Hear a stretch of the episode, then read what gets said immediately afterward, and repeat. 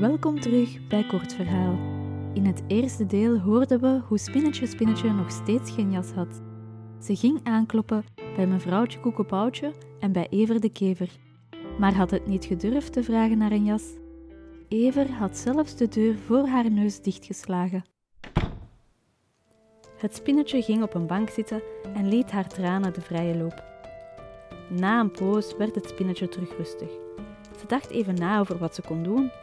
Ze was te moe om terug naar huis te stappen. Hier blijven kon ook niet. Dan zou haar neus er afvallen van de kou. Spinnetje Spinnetje besloot dat er maar één manier was en verzamelde alle moed die ze had en bonsde opnieuw op de deur van Jos. Jos de Vos deed de deur voor de tweede maal open. Zijn gezicht stond nog altijd even grimmig. Voordat Jos iets kon zeggen, sprak het spinnetje snel. Ik ben verdrietig, Jos. Ik heb het ook zo koud buiten.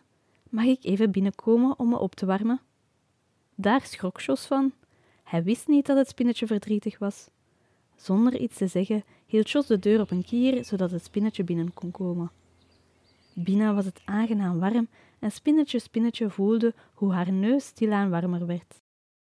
Oef, die ging er voorlopig niet afvallen. Jos, mag ik soms iets eten? Ik heb heel ver gestapt en ben moe van de tocht. Dan kan ik terug op krachten komen. Prima, zei hij, maar dan help je mij met de afwas. Ik ben namelijk ook heel moe en heb een zware dag achter de rug. Spinnetje Spinnetje knikte en was op haar beurt verrast dat Jos niet boos was door haar komst, enkel door het feit dat hij een zware dag had gehad. Jos en Spinnetje Spinnetje maakten samen eten en na een verrukkelijke maaltijd deden ze met hun tweetjes de afwas. Jos met zijn handen in het sop en Spinnetje Spinnetje met een handdoek in ieder pootje. Jos was nog steeds geen spraakwaterval. Omdat Spinnetje Spinnetje wist dat dat niet aan haar lag, was dat helemaal oké. Terwijl ze een groot bord aan het afdrogen was, voelde Spinnetje Spinnetje dat ze klaar was om de vraag te stellen. Zeg, Jos, heb jij soms geen jas die me warm kan houden in de winter? Jos fronste, krabde zijn voorhoofd en met een Norse stem zei hij: Ik heb er geen over, maar check eens bij Ever de Kever. Die heeft er zeker eentje op overschot en die woont hier vlakbij.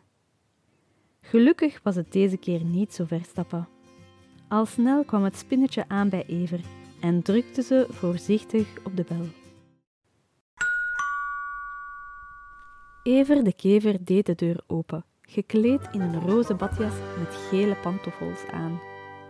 Ever keek nieuwsgierig naar Spinnetje Spinnetje. Het was ondertussen best laat geworden en Ever was al klaar voor de nacht. Spinnetje Spinnetje aarzelde maar besloot om dapper door te zetten. Dag Ever, je hebt de groeten van Jos de Vos, stak Spinnetje Spinnetje van wal. Evers gezicht lichtte meteen op. Ken jij Jos ook? Goh, zo lang geleden sinds ik hem laatst zag. Hoe ging het met hem? Heb je ook gezien wat een prachtige staart hij heeft? Ik ben zo jaloers op die staart. Ever was een niet te stoppen spraakwaterval. Kom toch binnen, sprak Ever. Het is buiten zo koud. Dan praten we daar lekker verder. Spinnetje, spinnetje volgde Ever over de drempel. Terwijl Ever lustig bleef vertellen over Jos. Dat Jos geweldig kon koken, welke avonturen ze samen al hadden beleefd en hoe fijn het zou zijn om hem nog eens te zien. Opeens viel Ever stil en keek hij bedachtzaam naar Spinnetje Spinnetje alsof hij zich nu pas realiseerde dat Spinnetje Spinnetje waarschijnlijk niet voor niets zo laat kwam aanbellen. Wat brengt jou eigenlijk hier? vroeg Ever. Het spinnetje glimlachte. Nu het kouder wordt, ben ik bang dat mijn neusje eraf vriest.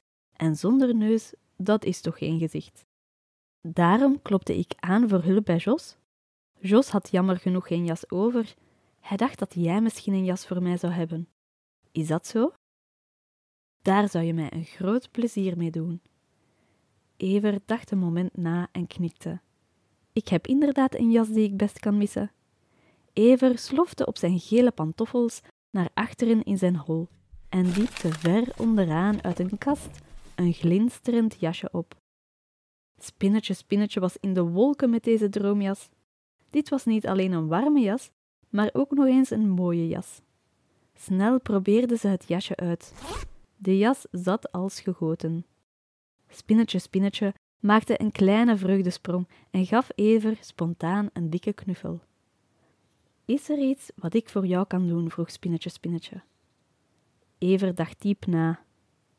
Hij had immers alles al wat zijn hartje begeerde. Tot hij ineens bedacht dat er nog iets was wat hij het allerliefste wou. Kan je mij leren om ook knuffels te geven? Dan kan ik binnenkort Jos opzoeken en hem ook zo'n knuffel geven.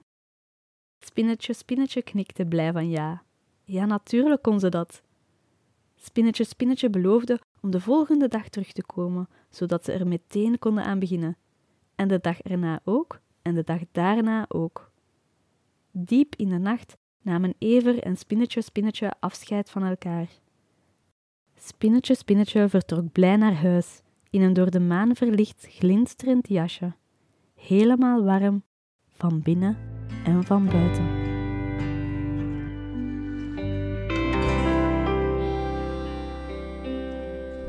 En toen kwam er een lange snuit en zo raad je is het.